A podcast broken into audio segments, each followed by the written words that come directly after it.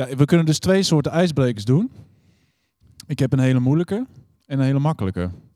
Waar, waar zitten jullie? Je zin in een moeilijke? Dan weet ik dat even van tevoren. Kun ze ook allebei doen.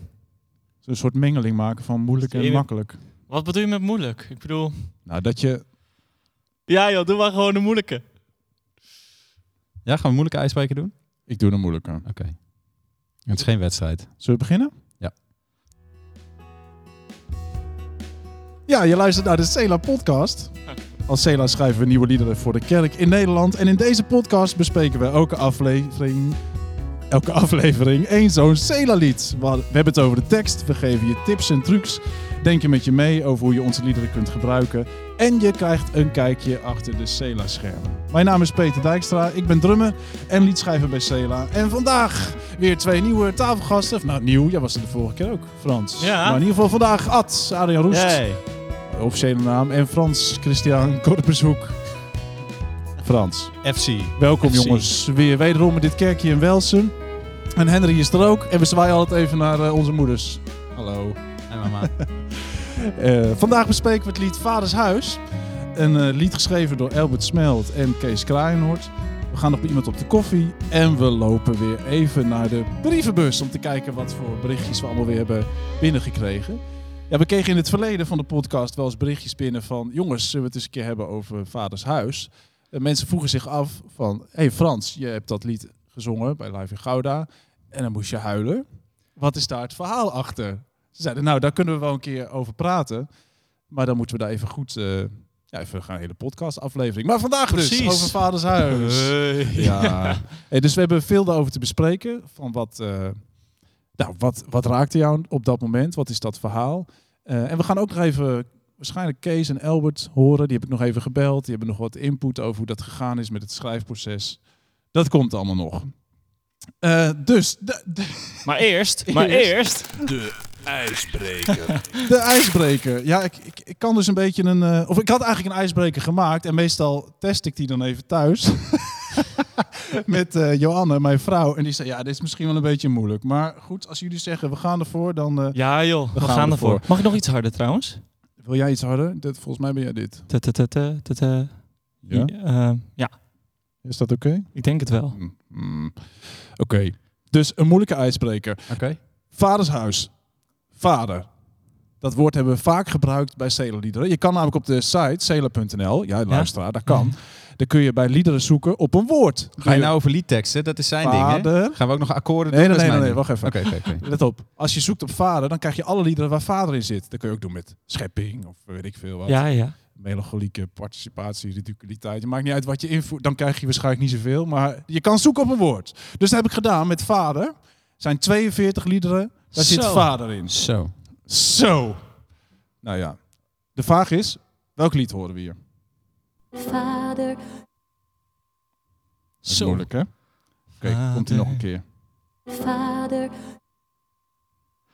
Ah, zie, dit is echt eh, nu op eh, definitie. Zie, het gaat al helemaal mis, jongens. Ja, ik vind het wel heel leuk, want dit daagt wel uit. Oké. dan bent u mijn Vader, ja, ja, ja. Die mij draagt. Wat Ja, dit is al vervelend, want dit is een oud liedje. Dit is eh, Via Dolorosa, maar Ja, het is... liedje? Ja, aan mijn zij. Aan mijn zij. Yes! Ah, mijn zij. Maar Oké, vader, volgende. Oh, wat, dat was hem al. Gaat even naar- vader, maak mij tot Tot een zegen. zegen. Nee dat, nee, dat is net een ander interval. Oké, nog een keer. Oké. Als God de Vader zo Ja, ja, ja. Zelfs dit is al te moeilijk. Eh, Laat ons samen één zijn.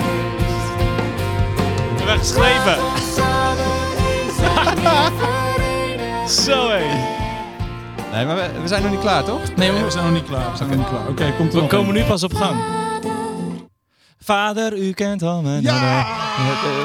Da, da, da, da, als een kind. Ja, dat is vrede in mijn hart. Nee, Ja. die heb jij geschreven. Vrede in mijn hart. Kom met vrede. Kom met vrede, dat is hem. Help mij als ik Oké, nou eentje waar jij zingt. Vader. Da, Jurassic eh, team. Jurassic Eh, Park. Wat een grote liefde. Wat een grote liefde. Wat een grote liefde? Ja. Ja, heel goed. Ja, en Jurassic Team, want dat is het refrein toch? Die daar... eh, Ja, da, da, da, da, Die heb ik ook. Nog even. je Jurassic World kijkt, dan herken je Maar die film ken ik nog niet toen het schreven, hè? Even voor de duidelijkheid. Echt niet? Nee. Jij hebt dat toen geschreven en toen En kwam Tobias later heeft die melodie erachter. gemaakt en wij kennen het niet. Ik kreeg toen eh, een appje uit Engeland. Ja, eh, mijn jongens luisteren heel graag naar dat lied, want dat lijkt precies op Jurassic Park Team Song. Ja. ja, dit is dan puur toeval. Ja, maar eh, wat is überhaupt nog echt nieuw wat we schrijven? Ja. Mm. Dat is al eh, Wat is ooit niet al ergens, erg, heus wel, ergens Ja. in een uithoekje van de wereld een keer geschreven. Nou, tot Kom zover in ieder geval. Nee, nog 39 toch? Ja. nou, ik vind, eh ja, dat toch nog wel iets goed. Ja, maar de makkelijke variant was dus met iets meer van het liedje. Nee, de makkelijke variant was, jullie krijgen 20 seconden, schrijf zoveel mogelijk liedjes met vader erin. Oh, oeh, daar had ik ook last van. Vader, Nou, zullen we dat dan een andere keer doen? Is zo. Maar wat, eh, Peter, volgende keer moet je wel even de vraag stellen die hoort bij de ijsbreker. Wat dan? Ja, eh, noem het lied. Oh, heb ik toch gevraagd? Nee? Hij Oh, zei, welk lied is dit? Welk lied is dit? Oh, nou Ja, goed. ik kwam te laat. Ah, Dat veel te laat. Was toch duidelijk. hey, we gaan luisteren naar Vaders Huis en dan gaan we erover praten.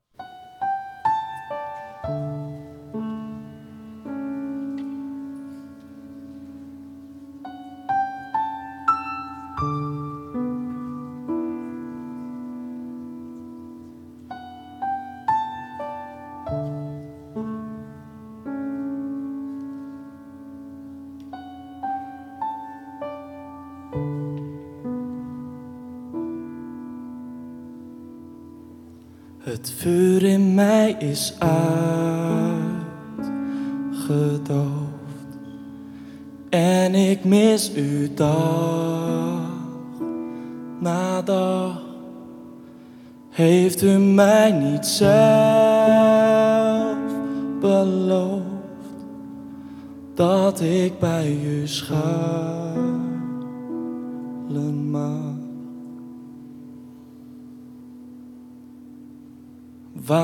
Waarom zou ik angstig zijn? Klein stukje. Dit is eh, opgenomen in Gouda. is te vinden op live in Gouda. En dat is wel een lied met een verhaal. Ja, joh. En jij moest verderop in de opname moet je ook huilen als je dit zingt. En we kregen regelmatig de vraag, wat speelde hier nou? Ja, ik zou eerst nog zeggen, de, de eerste keer dat we dit probeerden op te nemen, bij de DVD-opname, moest ik het op, ik moest het opnieuw doen. Ik heb geen woord zuiver gezongen toen. Ik weet nog dat ik achter de piano zat. Ik dacht, oh kerel. nu moet het over. Oh, en daar staan Ja. al die camera's en het hele... Ja, dat gaf Ja. ook wel een beetje spanning natuurlijk. dat geloof Het was ja. ook... Ja, maar er er zit ook een verhaal bij. Tuurlijk, ja. de- het verhaal wat ik eh, makkelijk kon delen was... Het, dit lied spreekt heel breed over verschillende verhalen. En ik heb dus altijd een soort van verhaal gehad wat ik makkelijk deelde hierover. Maar ik dacht, misschien is het ook een keer goed om het verhaal wat ik echt beleef... elke keer als ik het lied hoor, om dat te delen. Ja, En- we hebben dat verhaal wel eens gedeeld in de band. En we weten dat van jou.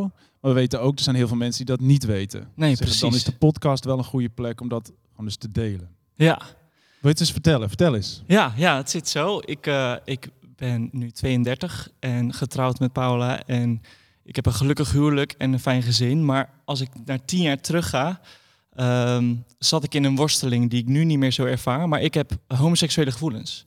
Eh, en dat weet ik al vanaf mijn, van mijn pu- puberjaren. En ehm, dat was eh, in die tijd dat we dit opnamen ook zo'n groot ding in mijn leven waar ik veel aandacht aan gaf, omdat ik niet wist hoe ik daarmee om moest, gaan. Een stukje wel, maar ook een heel groot stuk niet.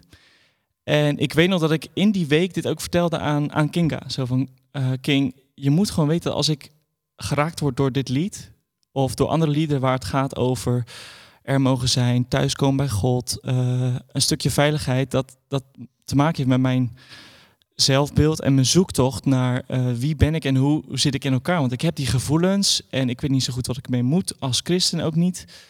Ehm, ja, en dat speelde toen heel erg. Dat was gewoon een zoektocht, een identiteitscrisis of nou ja.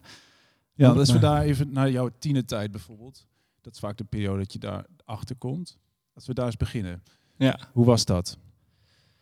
Ja, het is eh, zo'n fase dat je niet zo goed weet wat je voelt. Dus ik werd wel verliefd op meisjes en ik had ook af en toe een relatie, eh, wat gewoon prima liep. Maar ik voelde ook, hé, hey, waarom voel ik me nou eh, fysiek aangetrokken tot mannen? Waarom is dat er ook?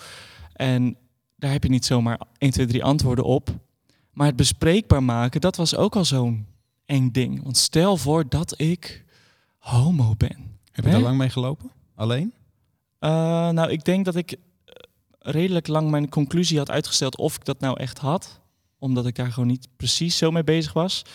Maar eh, vanaf het moment dat ik het wist, ik denk 11, 12, eh, denk ik dat ik daar vier jaar in mijn eentje mee heb zitten sjoemelen. Ja. Was jouw gedachte van, stel je voor dat ik homo ben, van dat wil ik niet? Was dat jouw gevoel? Ja, dat. Ehm, ik, ik zag dat echt wel als fout of zo. Van, er zal wel iets niet kloppen in mij. Maar wat het ook was, ik had daarnaast een verlangen om ook wel een gezin te stichten of zo. En ik zag die mogelijkheid niet helemaal. Die gevoelens, oh, maar misschien is dat wel fout en mag dat niet. Ja. Dat, en ik wil graag een gezin. Ja, Hoe was jouw omgeving? Kon je daarover praten? Was daar openheid voor? nou, dat kon wel, maar dat deed ik niet. Ehm, Weet je nog het moment dat je het voor het eerst deelde? Ja, ja zeker. Ja. Ja, dat was op, op een, eh, een conferentie. eh, deelde elk jaar dezelfde meid eh, haar moeilijke verhalen met mij. En elke keer incasseerde ik en luisterde ik en vertroostte en samen bidden. En toen kwam ze weer met een verhaal op die conferentie. Ik denk dat ik toen 15 of 16 was. En ik dacht, ja, nu ga ik gewoon even mijn verhaal delen met jou. Want dit is waar ik mee zit en wat Ja. ik moeilijk vind. En wat ik nog nooit heb verteld. En wat echt Toen kwam het voor het eerst naar buiten. toen kwam het voor het eerst naar buiten, ja. Hoe was dat? Ja, ik, ik weet nog dat ik eh, heb zitten sippen, een soort van eh, adem heel hoog en zweten. En ik dacht, ja, maar nu, nu krijg je ook echt een verhaal, weet je wel. De- Ja. ik heb homoseksuele gevoelens, weet je wel. Ik, ik, en ik weet niet wat ik ermee moet. En eh, En er komt een moment dat je deelt met je ouders, ja, broers, zussen. nou, doordat ik het al één keer had gedeeld met haar... en zij super liefdevol reageerde en een soort van, hé, hey, is helemaal oké. En eh, vond ik het eh, nodig om het nog een keer te delen met iemand die wel dichtbij me stond. Want zij, ja, ik zag haar één keer per jaar op een conferentie. Eh, en toen deelde ik met mijn broer en die zei, ja, zullen, zullen we samen anders met papa en mama praten? Wat Ja. we kunnen doen. En Ja. ja. ja, en het was met iedereen die ik dat heb gedeeld toen, ook meerdere broers en zussen, eh, werd ik zo liefdevol gewoon omarmd en was het allemaal oké. En eh, Hmm. ja. En niemand gaf mij een eh, conclusie van dit moet je doen of dit, dit is nu je traject of zo. Ehm, maar van binnen was ik van overtuigd, dit is niet de reis die ik moet lopen, dat ik het nu accepteer, omarm en ehm, ja, dat, ik, dat dit nu de rest van mijn leven zo is of zo. Er was ook een verlangen om met een vrouw te zijn en ik had het idee dat God dat ook van mij vroeg op een manier. En ik Hmm. weet niet zo goed uit te leggen hoe dat dan heeft gewerkt. Maar toen Nee, ik kan me ook, dat is wel goed om even te benoemen. Ik kan me voorstellen, ook voor de luisteraar. Kijk, dit is zo'n onderwerp. Er zijn onderwerpen die zijn. Daar, weet je, daar zijn heel veel verschillende opinies en meningen over. Ja. En ook bij de luisteraar. Sommigen zullen dat heel lastig vinden. Eh, homoseksualiteit, homo's trouwen. Sommigen zeggen we kunnen maar niet snel genoeg zoveel mogelijk eh, dat accepteren ja. met elkaar. Daarom is het ook interessant om jouw verhaal even te horen van hoe is dat bij jou gegaan en wat heeft bijvoorbeeld gemaakt dat je getrouwd bent met Paula. Dat is ook wel interessant om eens over te praten. Ehm, maar ook al goed om op, op dit punt te zeggen van er zijn gewoon verschillende visies op op dit hele verhaal. ja. Hè, en ook als je dit luistert en dit triggert bij jou van alles, eh, bl- blijf aangehaakt. We hebben er hier een gesprek over. Eh, want Ja. daar kan ik alvast. eh b- kijk, binnen de band denken we hier ook op verschillende manieren over. Ja. Dat is wel goed om alvast even te benoemen. Dat ook in het loop van de podcast eh, daar nog even ruimte voor te bieden. Eh, maar we willen eerst even recht doen aan jouw verhaal. Want ik ben wel heel benieuwd. Want uiteindelijk ben je met Paula getrouwd. Ja. Ja. Nee, Wat, ik, wat maakte dat je met wel een vrouw getrouwd bent? En dat zij met jou wilde trouwen, dat is ook wel interessant. bijzonder, hè? ja. Nee, ik realiseer me dat alles wat ik vertel, dat dat nog geen procent is van eh, mijn Ja. processen en mijn gesprekken en eh, mijn, mijn zoektocht. Eh, maar wat ik kan delen, wil ik graag delen. En, Ja. en ehm, dat is, ik ging met Paula daten, want ik geloofde dus dat ik wel met een vrouw mocht gaan. Ik wist niet zo goed hoe. Ja. Uh, maar ik merkte dat ik wel uh, verliefd kon worden op een vrouw. En dat, dat, ik me niet per se gelijk fysiek aangetrokken voelde, maar dat ik wel van iemand kon leren houden. En met Paula bouwde ik een vriendschap op. En ik had uh, voor mezelf dan gezegd tegen God, nou oké, okay, heer, als, als u wilt dat wij samenkomen, dan, nou, dan verwacht ik het ook van u. Dan hoef ik niks te forceren. Hmm. En ik weet wel dat ik haar uh, officieel op een date vroeg. Ik denk, nu, nu gaan we het dan proberen. Dat was een half jaar nadat ik haar goed leerde kennen. En... Ik weet dat we die eerste date hebben gewoon een soort van onze rugzakjes omgedraaid van dit heb ik in mijn leven. Dit is Ja. waar ik mee worstel. Dit vind ik ingewikkeld. Ik heb homoseksuele gevoelens. Ehm, ja, Ja. jouw beurt. En jij zei dus niet, ik ben homoseksueel. Nee, nee. Ik heb met heel veel dingen die ik voel ehm, een allergie om te zeggen dat ik het ben of dat, dat het dan identiteit wordt. Eh, dus ik geloof zelf niet dat eh, dat voor mij een, een benaming is die werkt. Ja, dat is niet hoe jij het ervoer. Van dit is wie ik ben, dit is, dit is wat ik voel. Dat Ja, zeg je. ja. Ik heb homoseksuele gevoelens. Ja, En met die gevoelens stap ik het huwelijk in met Paula, want daar geloof ik in. Ik hou van haar. Ja. We gaan samen een toekomst opbouwen. ja want ik, ik geloof ook dat eh, seksualiteit is maar een aspect van ook Maar eh, wat je voelt en wat je je hebt. voelt je wel aangetrokken tot Paula. Ja, ja. Ik, ja, ik heb een heel rijk intiem leven met Paula. En eh, ik kom daarin niks tekort. Kijk, Ja. ik, ik zou kunnen zeggen, ik kom wel iets tekort. Er zijn verlangens die ik heb eh, waar zij niet aan zou kunnen voldoen of zo. Dit is echt een complex eh, thema. Hè? Maar ik denk dat iedereen dat heeft. Ik bedoel, stel voor dat ik wel die heteroseksuele gevoelens zou hebben... dan zou Paula misschien nog steeds niet de perfecte vorm zijn En voor al mij. jouw behoeften en begeerten Ja, dus... ehm. En andersom misschien ook wel niet. Hm. Dus, en, en dat hebben we gewoon geaccepteerd van elkaar. Van oké, eh, er zijn dus verlangens die je hebt die je niet waar kan maken bij elkaar. Maar we hebben zoveel wel. Laten we gaan kijken naar die andere 99 procent. Ehm, En dat is best ingewikkeld geweest ook wel, toch? Jullie hebben echt wel in de jaren echt een vorm gevonden van... Hey, we hebben hier, vinden vrede in hoe het nu gaat met elkaar en zo. Jullie zijn super gelukkig. ja. Jullie puzzels ook wel mee gehad. Best wel ingewikkeld natuurlijk ook. Maar Ja. goodness, als je dat is, bent en je hebt dan een man die eigenlijk op mannen valt. Maar nou, dat lijkt, lijkt Ja. ik zou er heel onzeker van worden, denk ik. en het mooie is dat dat, dat houden van en eh, de transparantie die we hebben in, in de moeilijke verhalen die we allebei delen. Paula heeft een, een verleden met seksueel misbruik. Dus zij heeft ook een, een, een lading in dingen. En ook zeker in intimiteit, wat gewoon ingewikkeld is. En waar we het veel over hebben. Wat zorgt voor ook een hele diepe verbondenheid met elkaar. Hmm. Dus ik, ik zie het als een enorme verrijking dat wij, eh, ondanks de gevoelens en de, de pijn en de herinneringen en eh, gedrag, toch elkaar helemaal kunnen vinden en nul geheimen voor elkaar hebben. Maar eh, ja, we, fun- fungeren goed. Ook als vader en moeder, ook als man en vrouw met elkaar. En ehm, dat zie ik als één grote zegen. Ja, En hoe is dat nu? Ja ik ben knijter gelukkig. Ja. en die gevoelens zijn er nog. En ik, ik merk dus telkens meer dat ehm, het is in de media altijd een groot ding. Homoseksualiteit, eh, nou, noem, noem alle onderwerpen maar op die je hoeft ze maar te noemen. En de media komt er bovenop. Dat is dit ook. En ik, ik verlang gewoon om, zoals wij nu hierover praten, om dat bij wijze van op straat ook te kunnen doen. Ja. En het gek is, dat doe ik ook op straat. Hm. En als je de mensen ontmoet en in, eh, in gesprek bent, dan schrikt niemand van het verhaal wat ik deel. Maar als zou ik het ergens openbaar gooien waar Jan en Alleman erbij kan, wat nu misschien ook wel een beetje het gevaar is. Of het, het- het- ja, want hoe is het voor je om dit te delen? ja, ik ben er best relaxed onder. Al merk ik dat ik heel erg mijn woorden wil wegen, want ik wil niemand kwetsen. En ehm, ik verlang gewoon naar eerlijke, open gesprekken en dat mijn verhaal er mag zijn. En dat heb ik heel erg moeilijk gevonden in het verleden. Dat ik dacht dat dat niet zo mocht zijn. Mm. Want er zijn veel verhalen bekend over mensen die eh, ook zo'n situatie hadden als ik, homoseksuele gevoelens, maar die vervolgens hun partner verlaten, een, een, een, een vrouwelijke partner verlaten voor een man. En dat is een verhaal wat ik vaak naar me toe heb gekregen van, maar denk je niet dat jij over tien jaar ook zegt het is klaar met Paula? Nou, ik ben ervan overtuigd dat dat niet zo is bij mij.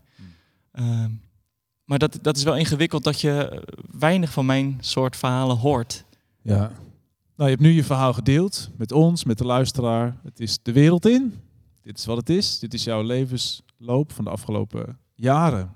Vanaf je tienertijd tot nu. Ad, jij hebt best wel dicht bij Frans geleefd. Veel opgetrokken, veel optredens gedaan. Hierover gesproken ook, veel met Frans. Hoe heb je dat beleefd? Dat is best wel intens geweest soms, denk ik. Want toen dit verhaal kwam, eh, eh, ik denk ik dat Frans nog aardig eh, scherp erin zat. En ik zat aardig scherp op een ander standpunt. ik dacht van, keel, wat doe je jezelf aan? Twee mannen bij elkaar, dat kan toch ook prima als het maar liefdevol eh, is zoals in elke relatie het belangrijk is dat het vol liefde en trouw is. Ja. En daar En- hebben jullie best wel intense gesprekken over gehad dan. Ja, Ja, ook telefonisch nog. ja, Ik, zie nog, ik heb nog zo'n gesprek voor ogen waar ik, eh, ik zie nog waar ik was, dat wij erover belden. Ja. En dat ik zat van, uh, kerel, wat... eh, en, dat, nou ja, Oké, pittig gesprek. En, en wat ik gaaf vind, is dat we elkaar gevonden hebben. Ehm, op een diepere laag. En van daaruit, vanuit die betrokkenheid en nieuwsgierigheid, in gesprek zijn gegaan met elkaar. En dat die randjes helemaal niet zo scherp blijken dan dat we misschien toen wat dachten. Hm. Misschien zijn we ook iets ouder geworden. En elkaar iets beter leren kennen. En dat, ik vind dit wel echt een, een, een machtig mooi voorbeeld. Van, überhaupt waarom ik zo dankbaar ben voor wat Cela is, wie we samen zijn. Maar dat er echt wat thema's kunnen zijn waarvan ik eerste 25, 30 jaar van mijn leven dacht, zo zit het en, eh, en niet anders.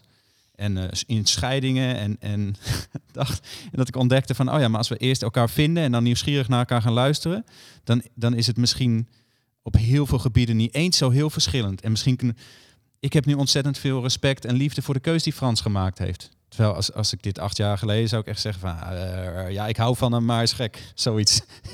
we hebben elkaar gevonden. en, eh, en, en het betekent echt niet dat we dan, eh, hoe zeg je dat? Soms vinden we ook scherp iets van dingen. En soms vinden we ook scherp verschillende dingen. Weet je wel? En, dan, en, en, en juist dan is het volgens mij de uitdaging om elkaar te zoeken. Ik, ik zat nog te denken aan een heel ander thema. Maar het lied Doop. Doop is nou typisch zo'n thema waar eh, kerken om eh, afgescheurd zijn, mensen verstoten zijn uit hun familie of weet ik veel wat. Dat is hele heftige dingen, heel veel scheiding gebracht. En wij dachten, ja, wij willen graag een lied brengen wat, wat recht doet aan, aan allerlei verschillende visies en mensen echt bij elkaar brengt. Ja, en wat ook het gevoel... Is dit te gevoelig? Kunnen we hier Ja, een lied over ja, schrijven? help, waar beginnen we aan? Moeten we dit nou Ja. doen? Ja. En, en daarom hadden we het ook nog nooit gedaan. Dat maar wij willen juist daar zijn, op die plek waar verschillen zijn. En waar we toch elkaar vinden en samen zo'n lied zingen. En ik ben ontzettend dankbaar dat we dat gedaan hebben. En ik hoop ook echt dat we dat met deze uitzending doen. Dat we het laten zien van, eh, je kunt op allerlei verschillende manieren overdenken. Maar wat is het belangrijkste? Dat je elkaar vindt, samen God vindt. En dan ontdekt eh, hoezeer je bij elkaar hoort. En elkaar niet loslaat in dat proces Zeker. van zoeken en leven. Dus we hebben er een lied over geschreven. Je mag er zijn. We hebben nog geen Vaders lied, huis, eh, toch? Vadershuis. Ja, het gaat over vaders huis. Daar hebben we het eigenlijk nog helemaal niet zo heel vaak over Ah, gehad. kom wel, kom wel. Ja, er komt dan nog wel eh na ons itempje op de koffie. En daarna gaan we even verder praten. Op de koffie. Op de koffie. Verhalen om te delen. Vandaag met Jos Douwma. Jos Dauma. Ik ben vandaag virtueel op de koffie bij Jos Dauma in Zwolle. En Jos Dauma is eigenlijk ook virtueel op de koffie bij mij in Eindhoven. Dat is mooi dat het dan twee kanten op gaat, hè? Zeker, dat klopt helemaal, ja. Ja, heel mooi eh, dat je tijd voor ons vrij hebt kunnen maken, Jos. Ja, graag gedaan. Ja, Ja, misschien leuk als je je eerst even introduceert aan ons. ja ik ben eh, Jos Dauma, ik ben eh 52 jaar, getrouwd met Joke. We hebben vier zoons en twee kleinkinderen inmiddels. En ik ben predikant van de Plantagekerk in Zwolle, ehm, sinds eh, acht jaar inmiddels. En daarnaast eh, heb ik boeken geschreven over geloofsbeleving en eh, kerk zijn. En ben ik de laatste jaar, sinds corona is uitgebroken, ook online actief geworden met online cursussen rond spiritualiteit. Podcast heb ik een beetje uitgevonden inmiddels. Dus dat heeft eh, veel gebracht eigenlijk wel, dat eh coronajaar. Heel veel narigheid, niet in een persoonlijke sfeer hoor, maar het is natuurlijk een, nare periode. Maar het heeft ook heel veel leerzame dingen gebracht, ja. Ja, mooi. Jij beschrijft je missie op, op je website heel duidelijk. Mensen helpen om in de Jezusruimte te zijn. Kan je daar meer over vertellen? Ja, misschien dat het het handigste is dat ik even vertel dat ik het eh, gevonden heb op het omslag van een boek. Het is een boektitel, De Jezusruimte, van een eh, Benedictijnse monnik uit eh, België, Benoit Standaard. En daarin legt hij vooral uit dat wij eh, uitgenodigd zijn om in, ja, in de ruimte te leven, de ruimte van het evangelie. En hij zegt dat is een, een ruimte en die wordt echt bepaald door de aanwezigheid van Jezus. En die Jezusruimte, nou, die gaat bijvoorbeeld open als je Bijbel leest en op zoek bent naar een ontmoeting met Jezus. Gaat open als je bidt. Gaat open als je naar muziek luistert. Eh, hè, jullie hebben ook een prachtig lied, vind ik bijvoorbeeld. Hè, de ruimte voor u. Dat, dat past helemaal precies wat mij betreft bij ehm, nou, wat ik versta onder de Jezusruimte. Dus als ik het goed begrijp, de, de aan waar, waar Jezus is, daar is de Jezusruimte. Ja, heel mooi. De aanwezigheid van Jezus. Dat is nog, ik zou bijna zeggen, nog mooier gezegd. eh, waar Jezus is, eh, daar is de Jezusruimte. Ja, Ehm, ja. en die is dus overal. Hè, Ja. Maar eh, het, het woord Jezusruimte helpt je om je daar meer van bewust te worden. daar heb jij je heel erg in verdiept. Ehm, heb je tips voor ons? Tips, ja. ehm, het, het blijft ook een zoektocht. Hè? Zelf ervaar ik dat ook nog altijd. Hè? Je kunt er honderd keer heel veel over nagedacht hebben. Eh, of zelfs een boek over geschreven hebben. En toch in de praktijk nog niet echt dat, eh, dat doen. Of eh, niet vaak genoeg. Of niet zo vaak als je zou willen. Mhm. Ehm, maar het is belangrijk om echt die tijd te nemen. Ehm, maar dat kan ook op heel veel andere manieren dan alleen maar dat je per se bijbelstudie moet gaan doen of moet gaan bidden. Hè, ik geloof dat een wandeling maken, gewoon bewust een wandeling maken, om echt even eh, tot rust te komen en in de aanwezigheid van Jezus te zijn, eh, is ook een heel mooie manier. Ja. Eh, wat ik zelf altijd mooi vind, is gewoon echt stil zijn. Ehm, hè, dus gaan zitten en dan een paar minuten. Het hoeft ook niet zo lang te duren altijd. Hè. Ik, ik probeer altijd aan het begin van mijn werkdag, als ik op mijn werkkamer in de kerk kom, probeer ik gewoon even een kleine tien minuten alleen maar te zitten en stil te zijn. En ik heb op mijn smartphone, die kun je daar toch weer heel leuk voor gebruiken, een uh, audiobestandje staan met, een, uh, met stilte. Alleen het begint met een klein muziekje, um, een heel klein beetje thuiszee-muziek. En dan is het dus in dat bestandje acht minuten stil. En dan komt die muziek weer. Hè? Dus ik weet, nou, het is nu acht minuten stil en zometeen haalt die muziek mij weer op. En dan is het ook goed. En dat is dan tijd om echt even bewust te zijn in de aanwezigheid van Jezus. Ik, ik bid zelf heel graag dan het, uh, het zogenaamde Jezusgebed. Dat komt ook uit die uh, traditie van de, nou, meer de katholieke kerk. Sterker nog, een beetje meer de Oosters-orthodoxe kerk. Het Jezusgebed. Daar is de zin, uh, Heer Jezus Christus, Zoon van God, ontferm je over mij. Hm. En dat is dan het hele gebed. En nou, dan dwaal ik weer een beetje af in mijn gedachten. En dan zeg ik weer zachtjes in mijn hart of in mijn hoofd, zeg ik die woorden. Dus ik hoef niet heel erg na te denken over wat ga ik nou bidden. Maar ik ben gewoon in de aanwezigheid van de Heer. En als ik merk dat ik daar toch weer een beetje uitraak, dan bid ik gewoon weer die woorden. Heer Jezus Christus, Zoon van God, ontferm je over mij. Mooi. Mooie tip. Ja. Mooi. En inderdaad, wat je al eerder zei, die, die, die, het zoeken van die stilte, dat kan voor iedereen op een andere manier natuurlijk. Uh, als je heel erg van de natuur houdt, dan lijkt het me inderdaad heel mooi om lekker de natuur in te gaan en daar die ruimte uh, te, te, maken in je hoofd. En als je dan niet zo makkelijk naar buiten kan, dan helpt het dus ook om gewoon even stil te zitten op een stoel. Ja. En uh, misschien even zo'n um, um, zo'n appje te installeren. Met Ja. die, wat, Ja. wat was dat precies, Jos? Nou, het is niet echt een appje. Er zijn ook wel appjes van hoor. Ik heb zelf gewoon een audiobestandje gemaakt. Maar hij is ook wel te vinden eventueel op mijn uh, website levenindekerk.nl. En dan moet je even op uh, Lectio Divina klikken en dan kom je bij stilte ruimte. Dus op mijn website heb ik een pagina die heet stilte ruimte. En daar vind je die bestandjes terug en die kun je zo aanklikken en dan uh, nou, kun je stil worden. Nou, leuk. Ik ga Ja. dat eens even doen. Ik ben benieuwd. Ik ga er naar kijken. Mooi. Mooi dat je dan zo'n duidelijke missie hebt. Ik word er wel heel Ja. warm van, van die missie. Nou. Ik vind het heel, een hele liefdevolle missie ook. Ja. Supermooi. Ik jullie wel, Cela natuurlijk ook een prachtige missie, hè? Ja, dat geeft ook een heel, heel, heel duidelijke focus. Hè? Jullie liederen zijn ook gewoon heel geschikt voor de kerk. En uh, nou goed, ik ben er dus uh, een vrij grote fan van. Wat mij wel uh, sterk opvalt bij de liederen van Cela. Hè? Dus, ik gebruik graag het woord spiritualiteit. Hè? Spiritualiteit is ja, nou ja de, je manier van geloven. Hè? Wat, wat zijn je eigen accenten? Dat de spiritualiteit van de liederen van Cela echt behoorlijk naadloos aansluit bij die van mij. En dat, dat Oh, vind ik ja. er ook heel erg mooi aan, denk ik. Ja. Ja. Ja. Nou, ik uh, wens je heel veel zegen, Jos, in alles wat Ja. je doet. Heel hartelijk bedankt voor de tijd en energie die je hierin hebt gestoken. En uh, we gaan ervan genieten, met z'n allen. Ja, dankjewel. Bedankt, Jos. Jo. Op de koffie, op de koffie. Verhalen om te delen. Ja, we zijn weer terug in het kerkje van Welsum. En we hebben het vandaag over Vaders Huis. Nou, tot nu toe heb ik nog niet eens zo heel veel Nog niet heel veel, nee. over Vaders Huis. Dus dat is wel goed om daar eens mee te beginnen. Uh, ik heb in ieder geval uh, Kees en Albert even gecontact, want dat zijn de schrijvers van het lied, immers. En ik heb gezegd, hoe ging dat nou eigenlijk, dat eh, schrijfproces? Nou, en daar zeggen ze het volgende over. Eerst maar eens even Kees. Ja, Albert nam contact op en zei: Joh, ik wil graag eh, met je schrijven. En ehm, ja, gaaf idee. En hij kwam bij me thuis. En eh, ik weet nog dat de kinderen gewoon uit school kwamen. En, eh, maar wij zaten achter de piano. En eh, kop thee erbij. En we gingen ervoor. Ehm, wat ik me echt nog heel goed kan herinneren. Is dat Albert toen in de psychiatrie werkte. En hij vertelde, joh, ik kom dagelijks patiënten, cliënten tegen, daarmee in aanraking. Ja, die, eh, die het zo niet meer zien, die het zo niet meer weten. En ik zou zo graag een lied willen schrijven.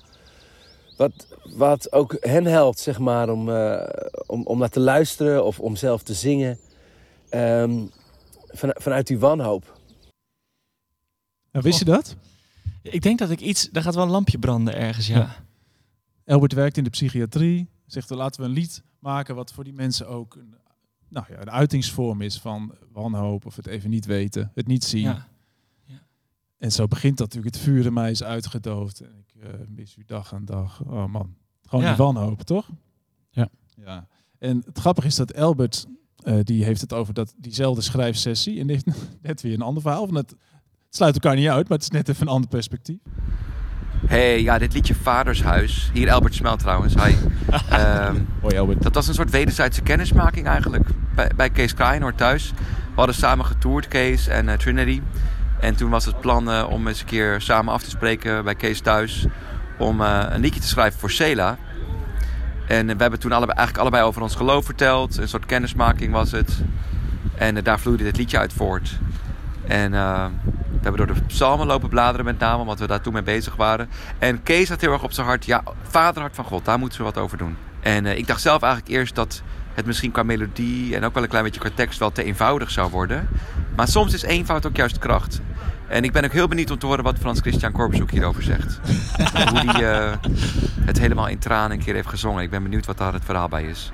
Heel veel groetjes in ieder geval van mij. Doei doei! Een keer, een keer. Zo vaker Een dan keer. één keer. Ja, dus Kees die zegt, Albert wilde schrijven over, hè, voor cliënten met psychiatrie. Albert zegt, nee, Kees wilde iets schrijven over het vaderhart van God. En die twee verhalen komen bij elkaar blijkbaar in het eh, lied Vaders Huis. Ja, Ja. en Albert vraagt zich af, wat is nou, eh, wat raakte je nou in dat lied? En dat is wel een goede vraag om even over door te praten. Ja. Dus tien jaar geleden, jij zi- zit met die struggles, die gevoelens. Je gaat dat zingen bij Live in Gouda. Wat is het in het lied wat je dan zo raakt? Nou, het begint al inderdaad met die zin: het vuur mij is uitgedoofd. En dat heeft voor mij heel veel te maken met het bezig zijn in mijn hoofd, in mijn leven met dit topic. Weet je, wel, zo'n groot ding. Je ziet eigenlijk niks anders meer dan ik worstel ergens mee. En dat is eh, zo'n grote beer op de weg. En ik werd daar ook gewoon echt heel moe van. Soms slapeloos. Ook omdat ik geen antwoorden had en niet kon vinden. Ehm, die zoektocht, ik was daar klaar mee. En soms verlangde je dan gewoon naar rust in je hoofd. Rust in het weten dat het oké is. En dat ervoer ik in het lied. In dat stukje met één.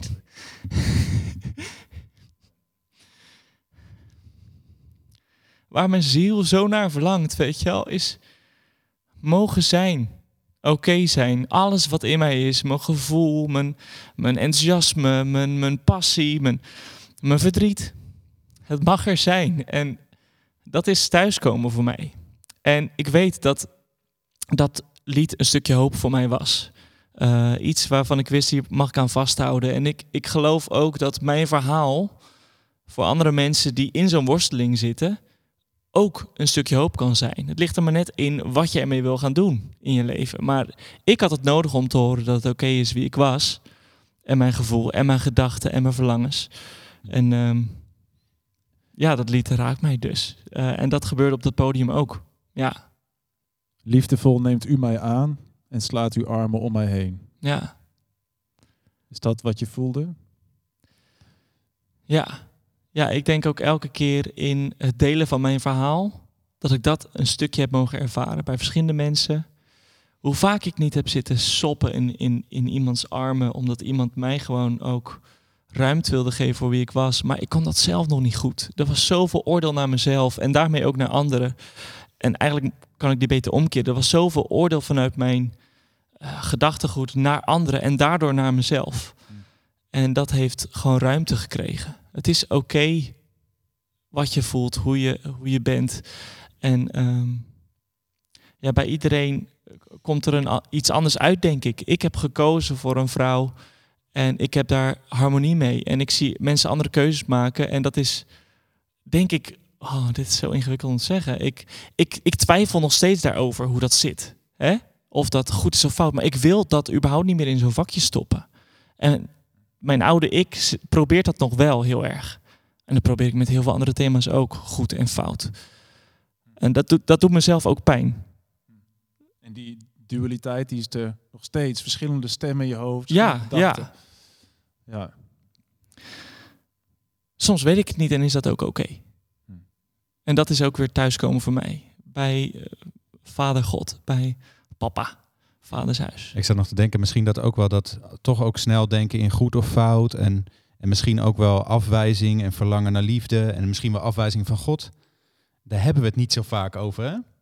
En ik denk wel dat eh, wat dit lied ook bij veel meer mensen doet natuurlijk. En niet alleen Frans raakt. Maar is dat, ehm, eh, dat er heel veel mensen zijn met hele grote worstelingen. En kleine worstelingen. En denken, help, wat moet ik daarmee, weet je wel? En dan dat zingen van, oh, maar rustend aan uw vader, dat is het enige wat ik wil. Weet je dat. En dat heeft ook een lied als Ik zal er zijn, waar we toen met Hans ook over gehad hebben. Ik weet nog dat hij zei van, ja, dat, dat, dat we, als alles omvalt, weten dat hij er nog is. Dat is zo'n grote troost. En ik denk dat dat exact ook in dit lied zit. En ehm, dus we kunnen het heel, hierover hebben. En, en ik denk dat het ook een voorbeeld is van, van hoe, hoe liederen en muziek kan helpen. Hoe, hoe eh, ook die, die kern van dat rusten bij God heel erg kan helpen in al onze worstelingen om een rustpunt te vinden of zo.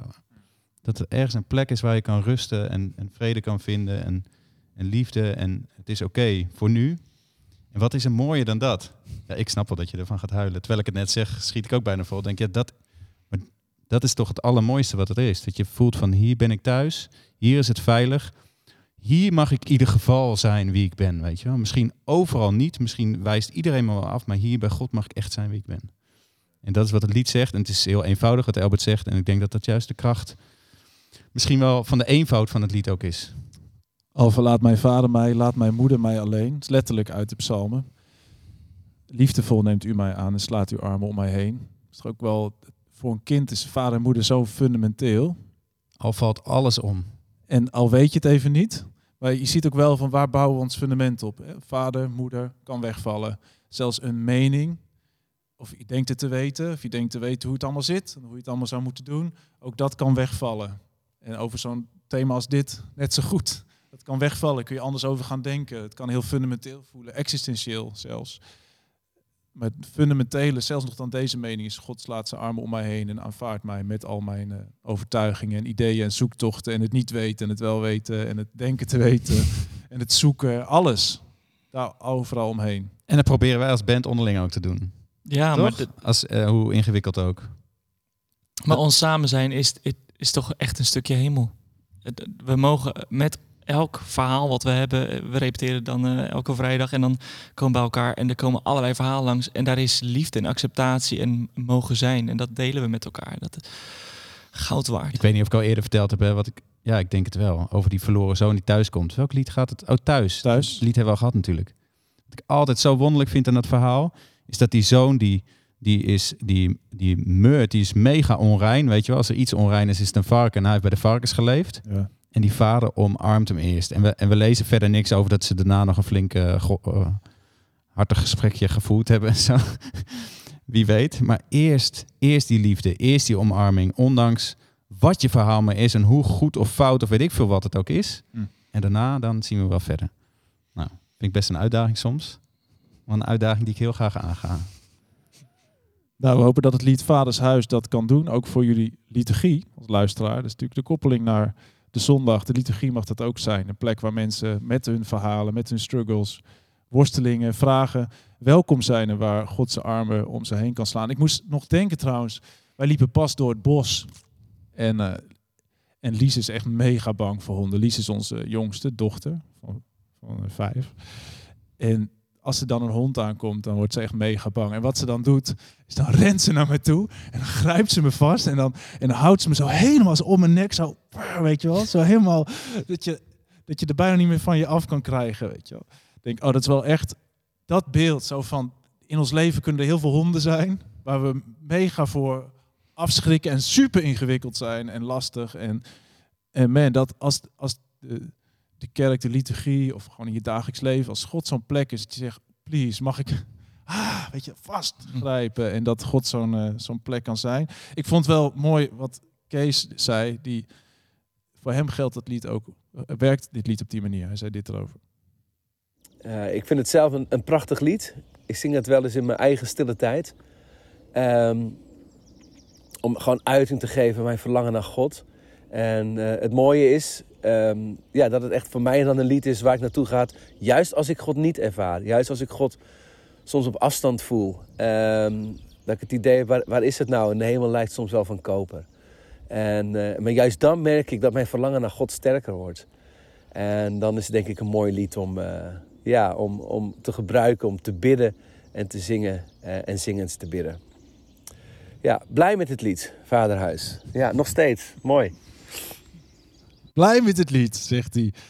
Maar dat het voor hem zo werkt, als de hemel van koper lijkt en God lijkt zo ver weg, dan is dat verlangen soms alleen maar sterker. En dan kan zo'n lied daar uiting aan geven. Ik zat maar nog te denken, ik kan me ook voorstellen dat als je in je gemeente of in je kring ingewikkelde gesprekken wil voeren, ik weet niet of dat dan over homoseksualiteit moet gaan of wat dan ook, of een conflict wat er is, dat het misschien ook wel kan helpen om eerst zo'n lied eens te gaan luisteren samen.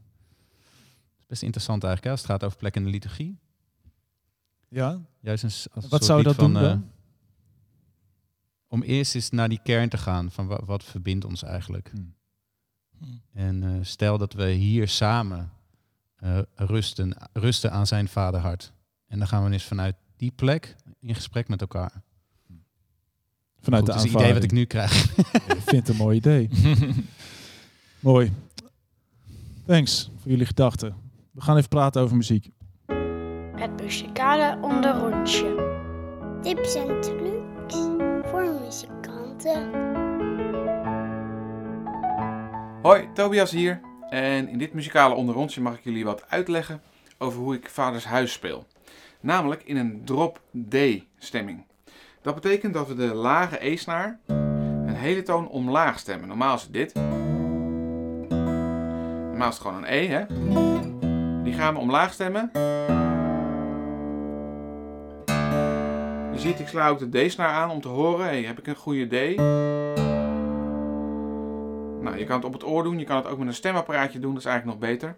En zorg dat je hem iets te laag stemt, want als, die, als je de snaar indrukt, voor een G bijvoorbeeld, of een E mineur, hoor je, gaat hij snel een klein beetje omhoog, omdat je snaar iets slapper wordt. Dus draai hem ietsje te laag. Hoor dan klinkt hij lekker. Nou, waarom zouden we dat nou doen, een drop D stemming? Nou, normaal als je een D-akkoord speelt, is dit je laagste toon. Is vrij hoog, heeft niet, veel, niet zoveel body. Nu hebben we een octaaf eronder. Geeft veel meer body. Veel vollere klank krijg je daardoor. Dus na na na na. na, na. Hoor je? Ligging die ik gebruik daar. Hele mooie. Dus ga het lekker uitproberen en kijk of je ook zo'n mooie, volle D-stemming krijgt. Succes en terug naar Peter. Het muzikale onderrondje. Tips en trucs voor muzikanten. Ja, dat was dus Lies, hè? Van, eh, die dit zegt. Ja, tips Van- en trucs. Van de honden. Ja. Leuk. Mooi. We hebben nog eh, een laatste item. Dat is altijd dat we even lopen naar de brievenbus. De brievenbus. Ik kreeg een mooi mailtje van Annemarie. Die reageert op de podcast met Elbert. Met jou en eh, met Ad, Elbert. Eh, en die schrijft... Dank voor jullie openheid in de podcast over het lied Heer wijs mij uw weg. Het was een mooi gesprek om te volgen. Alsof jullie echt samen bijpraten zonder microfoons en camera's. Bijzonder om daar deel van uit te mogen maken als kijker. Nou, zo voelde het ook wel, vond ik, toen. Ja. Ja, het gekke is dus eh, dat eh, dat bandleven Cela echt heel intiem en warm en open is. Maar dat het dus ook zo kan gebeuren dat... Ik heb jarenlang heel intens met Elbert opgetrokken. En sinds we niet meer in één band spelen, zien we elkaar echt zelden. En als we dan bij elkaar zijn, is het gelijk wel dikke mik. Ja. Dat is apart, hè? Dus het is een soort vriendschap, maar ook professioneel. En Ja. ja, maar jullie delen zo'n geschiedenis. Dat voelt dan Ja. meteen wel vertrouwd. Ik merkte Ja. wel meteen, oh ja, leuk, die chemie, eh, zeker. die, ja. die is er wel. Ze schrijft verder nog, het lied heeft me altijd geraakt. En elke fase weer anders. En ook nu weer. Ik merk, nu ik de aflevering op me in laat werken, dat het woorden geeft aan het proces eh, dat ik op dit moment bij mezelf zie. Het loslaten van wat je altijd dacht te weten. En ook echt het oudste zooncomplex. Het durven vragen en zoeken en de onzekerheid of onvastheid daarin. Niet meer terug kunnen en willen. Het thuis voelen op verschillende plekken. Het ervaren dat het leven een reis is en niet iets statisch. Iets wat je eerst moet bereiken en dan zo blijft. Het veranderende en vooral groter wordende godsbeeld. Nou, gedachten, het bemoedigt me om van jullie ervaringen en reis te horen. Dank jullie wel. Mooi, Annemarie, dat je het zo teruggeeft. En mooi dat je je erin herkent. En ook wel weer mooi van vandaag. Ja. Ook weer vandaag weer een andere reis. Andere levensweg die we, die we delen. Eh, dan kreeg ik nog van eh, René Dunning kreeg ik, eh, een opname van het lied Ik Leef. Daar was ze zelf heel blij mee. En ze zei, hey, ik ben benieuwd wat jullie ervan vinden. En ik zeg, nou, misschien kan ik het wel een keer voorbij laten komen in de podcast. Dus kijk, grappig. Is hun, hun opname. En zij zit in de GKV in Staphorst. En de GKV in Rauwveen.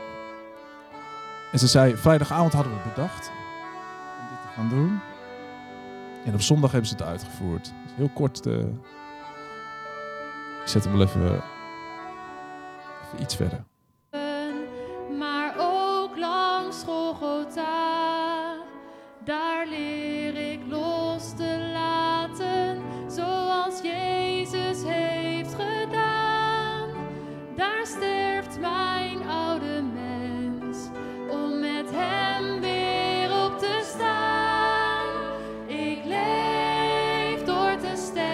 Mij hebben ze die vocals, is anders dan hoe wij het doen. Met